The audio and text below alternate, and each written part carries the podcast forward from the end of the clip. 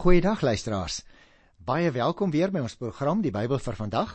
Ons het al 'n groot stuk gedoen en ook 'n groot stuk gedoen uit die boek Numeri. Uh wat nommers beteken hè of getalle. En daar's regtig baie getalle in die boek Numeri. Vir die van julle wat dalk vir die eerste keer inskakel, wil ek ook sê baie baie hartlik welkom. En ek hoop uh, julle luister meer dikwels na ons program. Julle doen ook voorbereiding pro vir ons program. En onthou dat die CD's, as jy dalk daarna sou wou luister, bestel kan word van Transwêreld Radio. Hulle gee aan die einde van elke program die adres en die telefoonnommer, dan is dit vir jou maklik. Net om te sê waar is ons nou? Die boek Numeri val uiteen in 3 groot hoofdele.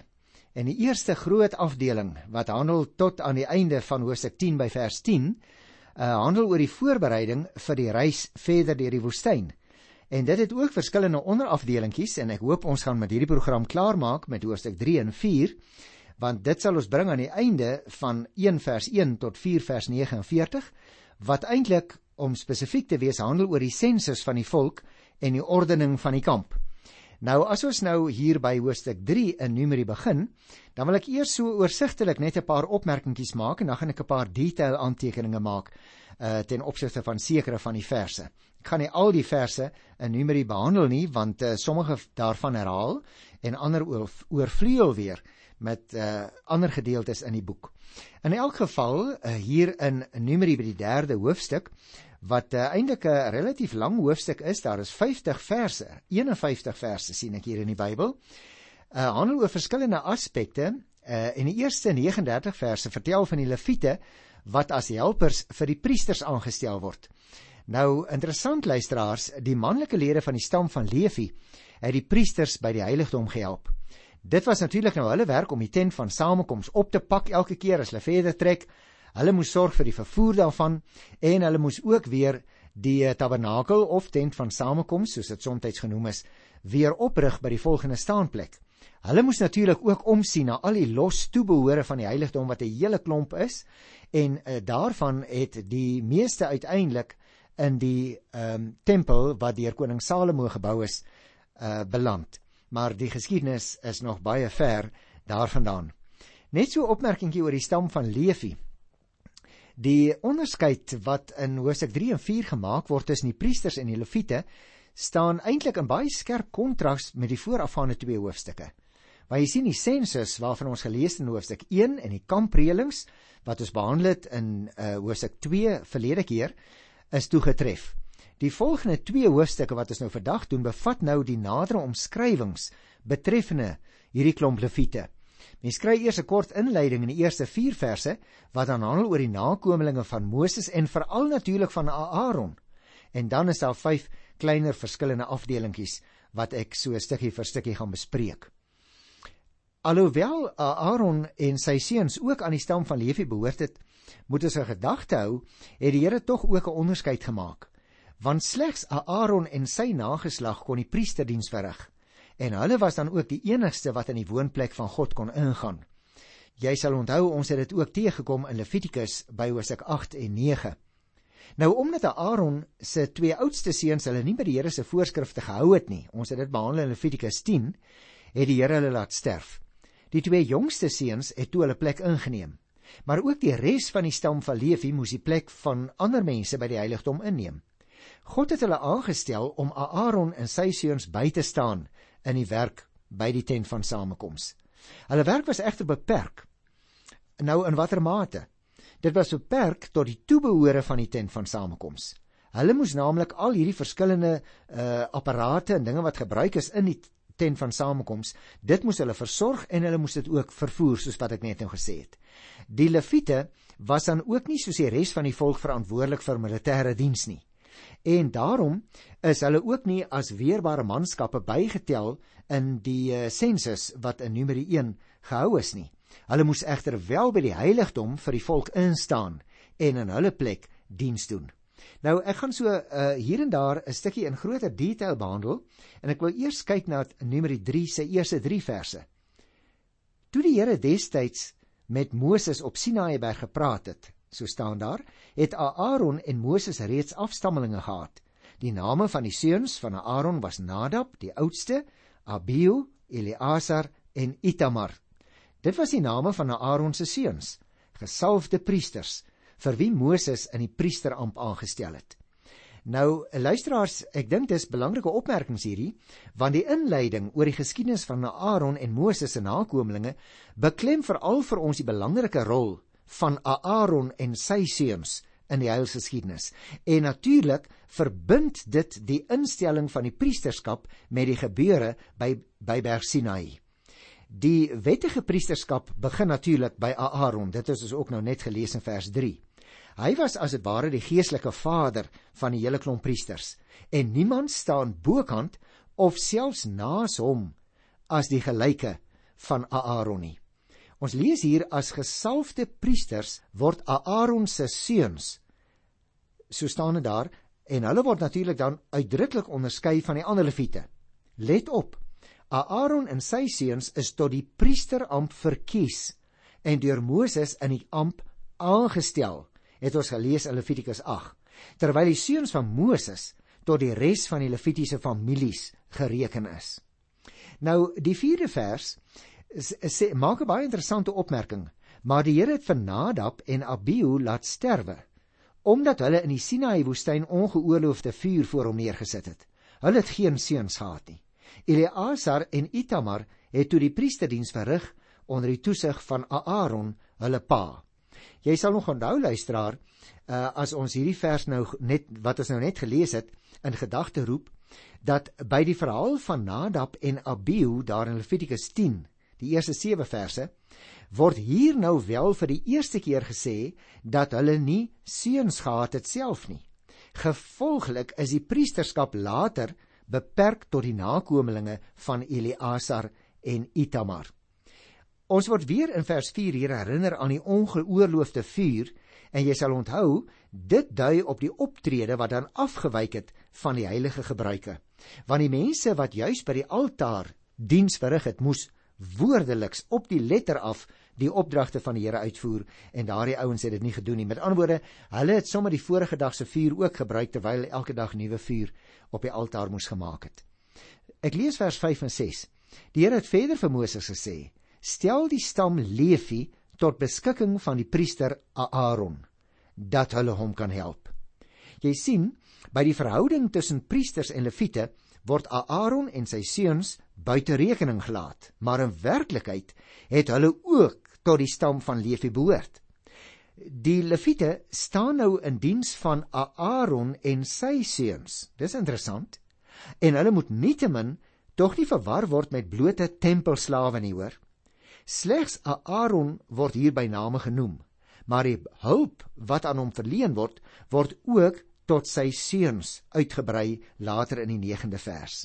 Daarom wil ek graag nou lees van vers 7 tot 9. Luister bietjie. Hulle moet vir Aaron in die gemeente diensbeurte waarneem in die tent van ontmoeting deur die werk wat hulle in die tabernakel doen. Hulle moet sorg vir al die toebehore, ek het net nou vir jou so vertel, al die toebehore van die tent van ontmoeting. Hulle moet die diensbeurte vir die volk Israel waarneem deur die werk wat hulle in die tabernakel doen. Jy moet die leviete tot beskikking van Aaron sy seun stel. Ek het dit ook nou nou net vermeld. Uit die volk Israel is hulle die mense wat volkome aan Aaron se diens gewy is. Jy sien luisteraar, die gedagte is bystand aan die priesters met verpligtinge in die erediens. Die leviete moet dus die toebehore versorg het, maar die aard van die diensbeurte word nie vir ons hier omskrywe nie. Dit blyk egter dat die leviete namens die volk staan daar om die beurt diens gedoen het. Uh, dit is belangrik dat ons sal sien dat al die lede van die volk nie ingedeel was om diensbeurte te doen nie. Dit was juis hierdie uh, leviete wat dit moes doen namens die volk. Die 9de vers het ons nou net gelees, die leviete was volkome. Dit wil sê, hulle was sonder voorbehou aan Aaron se diens gewy. Hulle kon nie sê hulle wil dit doen nie. Hulle was eintlik aangewys om Aaron te gehoorsaam en hom in al die opdragte wat hy sou gee, uh gehoorsaam te wees. Nou daarmee is natuurlik nie gesê dat hulle die priesters se eiendom geword het nie, want die leviete behoort aan die Here. So gaan ons nog lees in Hoofstuk 8 by die 16de vers. Met ander woorde, hulle word net hier in 'n baie baie besondere sin afgesonder vir hulle dienswerk aan die Here aan wie hulle behoort. Nou luister hier by vers 10 tot by vers 13. Net aan Aaron en sy seuns is dit opgedra om die priesterdiens te verrig. 'n Onbevoegde persoon wat nader kom om dit te doen, moet doodgemaak word. Die Here het weer met Moses gepraat en gesê: "Kyk, ek het die leviete uit die volk vir my geneem in die plek van al Israel se eersgeborenes. Hulle behoort aan my. Al die eersgeborenes is myne." Die dag toe ek al die eersgeborenes van die Egiptenaars omgebring het, het ek die van Israel van mens en dier vir my opgeëis. Hulle behoort aan my. Ek is die Here. Nou dis interessant dat dit hier so baie duidelik en skerp aangeteken is, né? Hier word weer eens gewys op onbevoegdes en dit dui nou duidelik op iemand wat hom as 'n priester wil voordoen.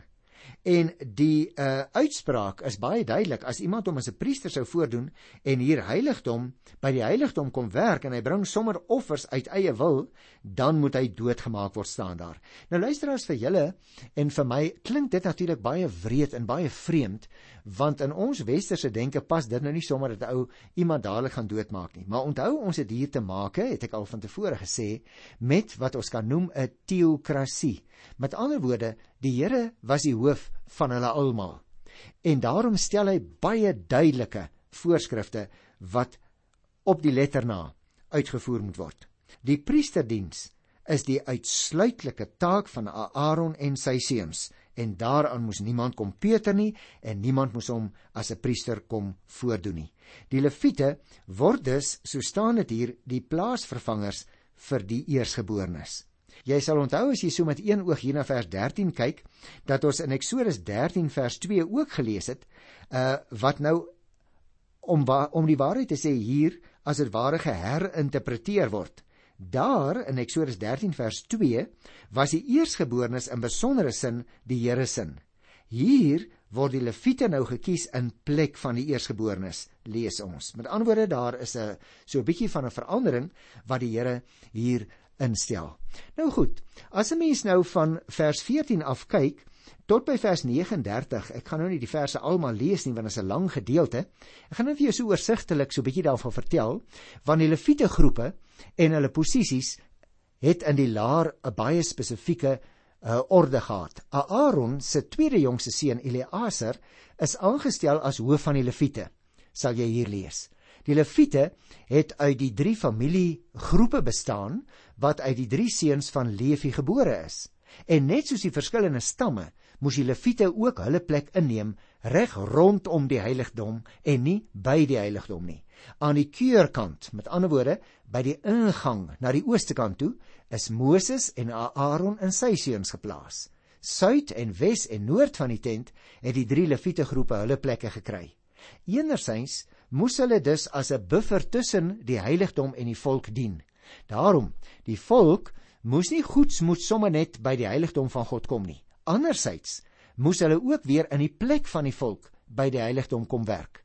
Hulle moes met ander woorde die tent en sy toebehore elke dag versorg namens die volk.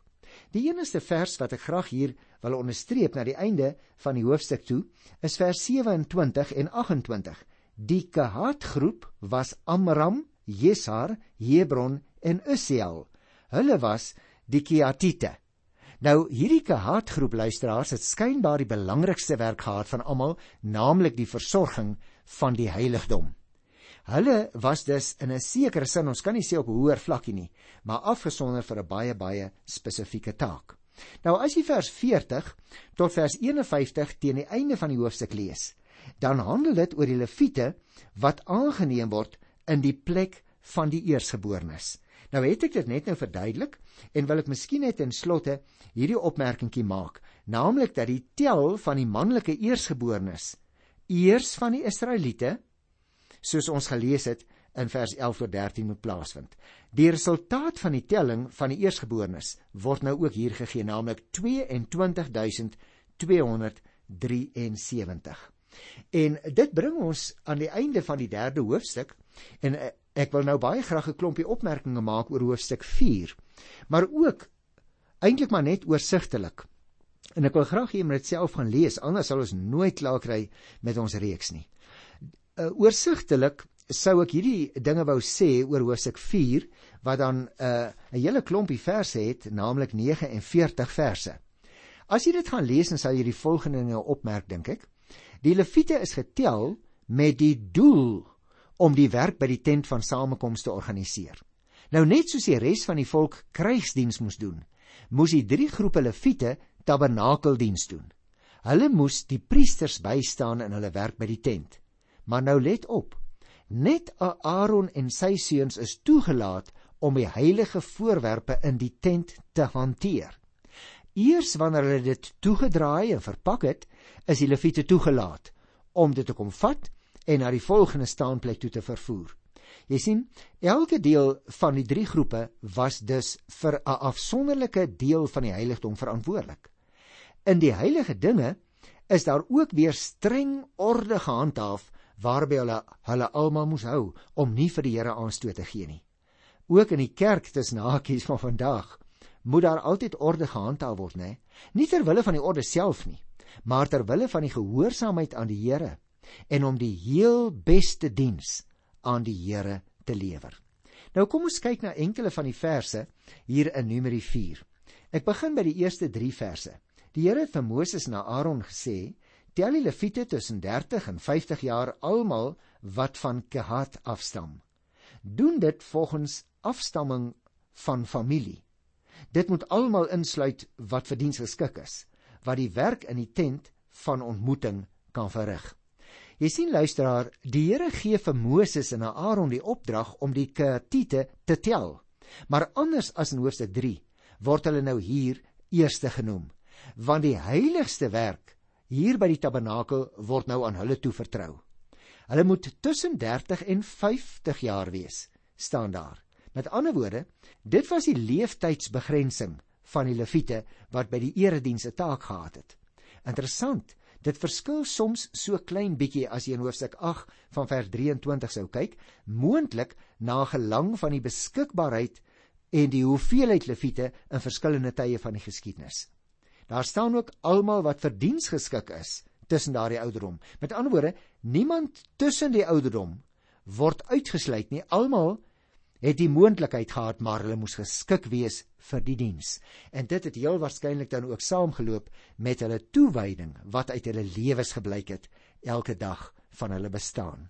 En dit is vir jou en my ook belangrik luisteraars dat ons sal onthou dat ons op 'n bepaalde styl moet lewe ook as Nuwe Testamentiese gelowiges, nie om heiliger te word nie, maar omdat jy en ek op grond van wat die Here Jesus vir ons gedoen het aan die kruis vir hom afgesonder is as ons in hom glo. Nou ook interessant as 'n mens lees by Numeri 4 vers 14 tot 15, dan ontdek jy dat die Kahat groep se taak in die tent van ontmoeting word in groot detail beskryf. Daar staan besonder gewyde voorwerpe in vers 4. Met ander woorde, die hoogste graad van heiligheid. Daardie werk was aan hierdie groep, die Kehatite, toegeskryf. Hieronder byvoorbeeld val meublement soos die ark, kyk maar vers 5, of die broodtafel in vers 7 of die kandelaar in vers 10 en natuurlik die altaar en in vers 13 en dan so 'n klompie van die toebehore wat ook daar genoem word. Aaron en sy seuns word spesifiek in vers 5 vermeld. Eh, want hulle het 'n baie besonder belangrike rol gehad wat nou hier na vore kom, naamlik voordat die Kehatite iets mag aanraak, moet Aaron en sy seuns, dit wil sê die priesters, eers sekere voorbereidende maatreëls tref. As 'n mens kyk in vers 6, dan staan daar 'n interessante ding waarby ek 'n oomblik wil stil staan. Hulle moet 'n seil van gebreide vel daaroor gooi en dit met 'n groot blou doek toemaak en dan staan daar dan moet hulle die draaghoute weer insteek. Nou luisteraars, hierdie draaghoute mag nou vir jou of my vreemd klink, want onthou nou, Die ark was 'n baie besondere heilige voorwerp onder Oud Israel. Daarin was so 'n paar goed onder andere die tafels van die verbond wat Moses by die Here gekry het. Daar was 'n kruik met manna. Daar was later ook na sy afsterwe die staf van Aaron wat daarin 'n uh, gebeure is as baie besondere godsdienstige voorwerpe. Maar die ark was die simbool van God se teenwoordigheid. En daarom kon jy nie sommer net die ark optel en dit verder dra daardeur die woestyn nie. Daarom was daar draaghoute wat hulle deur koper ringe wat aan die ark vas was gesteek het sodat hulle nie dalk uh, in 'n sekere sin as ek dit so mag uitdruk aan die heiligheid van God mag vat nie want dan sou hulle sterwe. En dit was dan uh die bedoeling van hierdie draaghoute wat hulle moes aansteek. Ook ten opsigte van die offerbrood uh waarvan ons hier lees in die 7de vers, wil ek net 'n opmerkingie maak want jy moet onthou die 12 brode simboliseer die 12 stamme wat in die tabernakel voor die aangesig van die Here wat die gewer daarvan is neergesit moes word. Luister byvoorbeeld na vers 11. Hulle moes 'n blou doek oor die goue wieroogaltaar gooi en dit met 'n seil van gebreide vel toemaak. Nou daardie vel was heel waarskynlik van robvelle gemaak.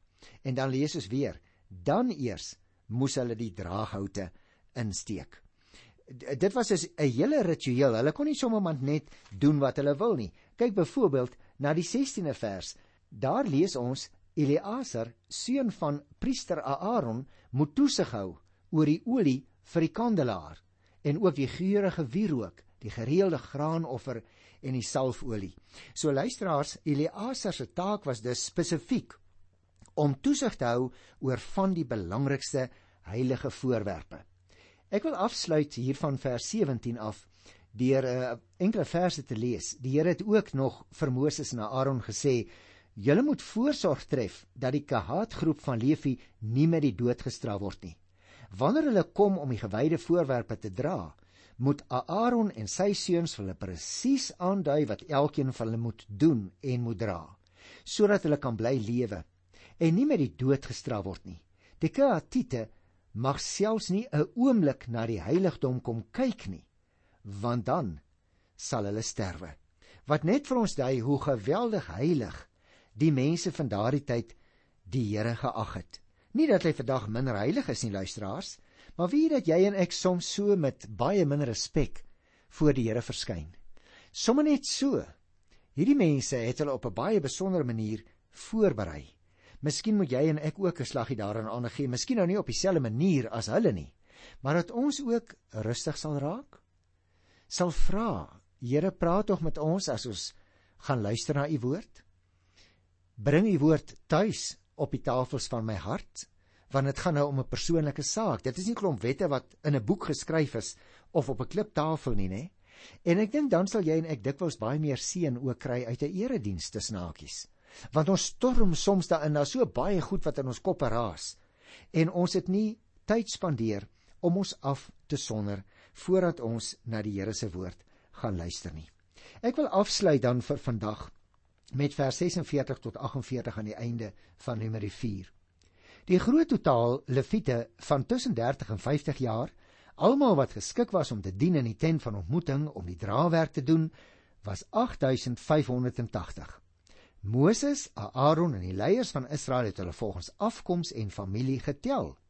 Op die bevel wat die Here deur Moses gegee het, is hulle getel en is aan elkeen sy besondere taak en verantwoordelikheid toegewys. Hulle is getel soos die Here vir Moses beveel het. Interessant, die groot totaal word hier gegee, 8588 leviete tussen 30 en 50 jaar oud. Nou dit was 'n baie spesifieke reëling wat die kerk gemaak het. Maar interessant, dit bly egter 'n verdeling met die oog op diens. Met ander woorde, die een was nie belangriker as die ander nie. Elkeen het 'n eie taak gehad by die heiligdom. Daar het hy diens gelewer aan die Here. En luisteraars, as Nuwe Testamentiese gelowiges, is dit nie anders met jou en met my nie hoor. Ons moet voortdurend vir onsself afvra waar wil die Here vir my plaas op puntdiens in die gemeente waarvan ek deel is. Want onthou, al is jou taakie hoe klein, al kan jy miskien net aanmeld en sê ek sal by die eredienste by die deur staan en met die mense welkom heet, want die Here het vir my die gawe van gasvryheid gegee dan het jy 'n baie baie belangrike taak. As dit dalk jou taakie is om blomme te rangskik, onthou jy is onontbeerlik in die gemeente. As dit jou taak is om die diakens te help na die tyd om die offergawe te tel, dan is dit 'n taak wat iemand moet verrig. En waarom wil jy dit nie gaan doen nie?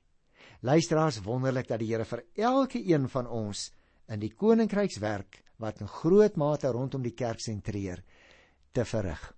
Wil jy nie 'n slaghand in eie hart steek nie en gaan aanmeld? Moenie wag tot iemand jou vra nie. Ek groet jou in die wonderlike naam van ons Here. Tot volgende keer. Tot dan. Totsiens.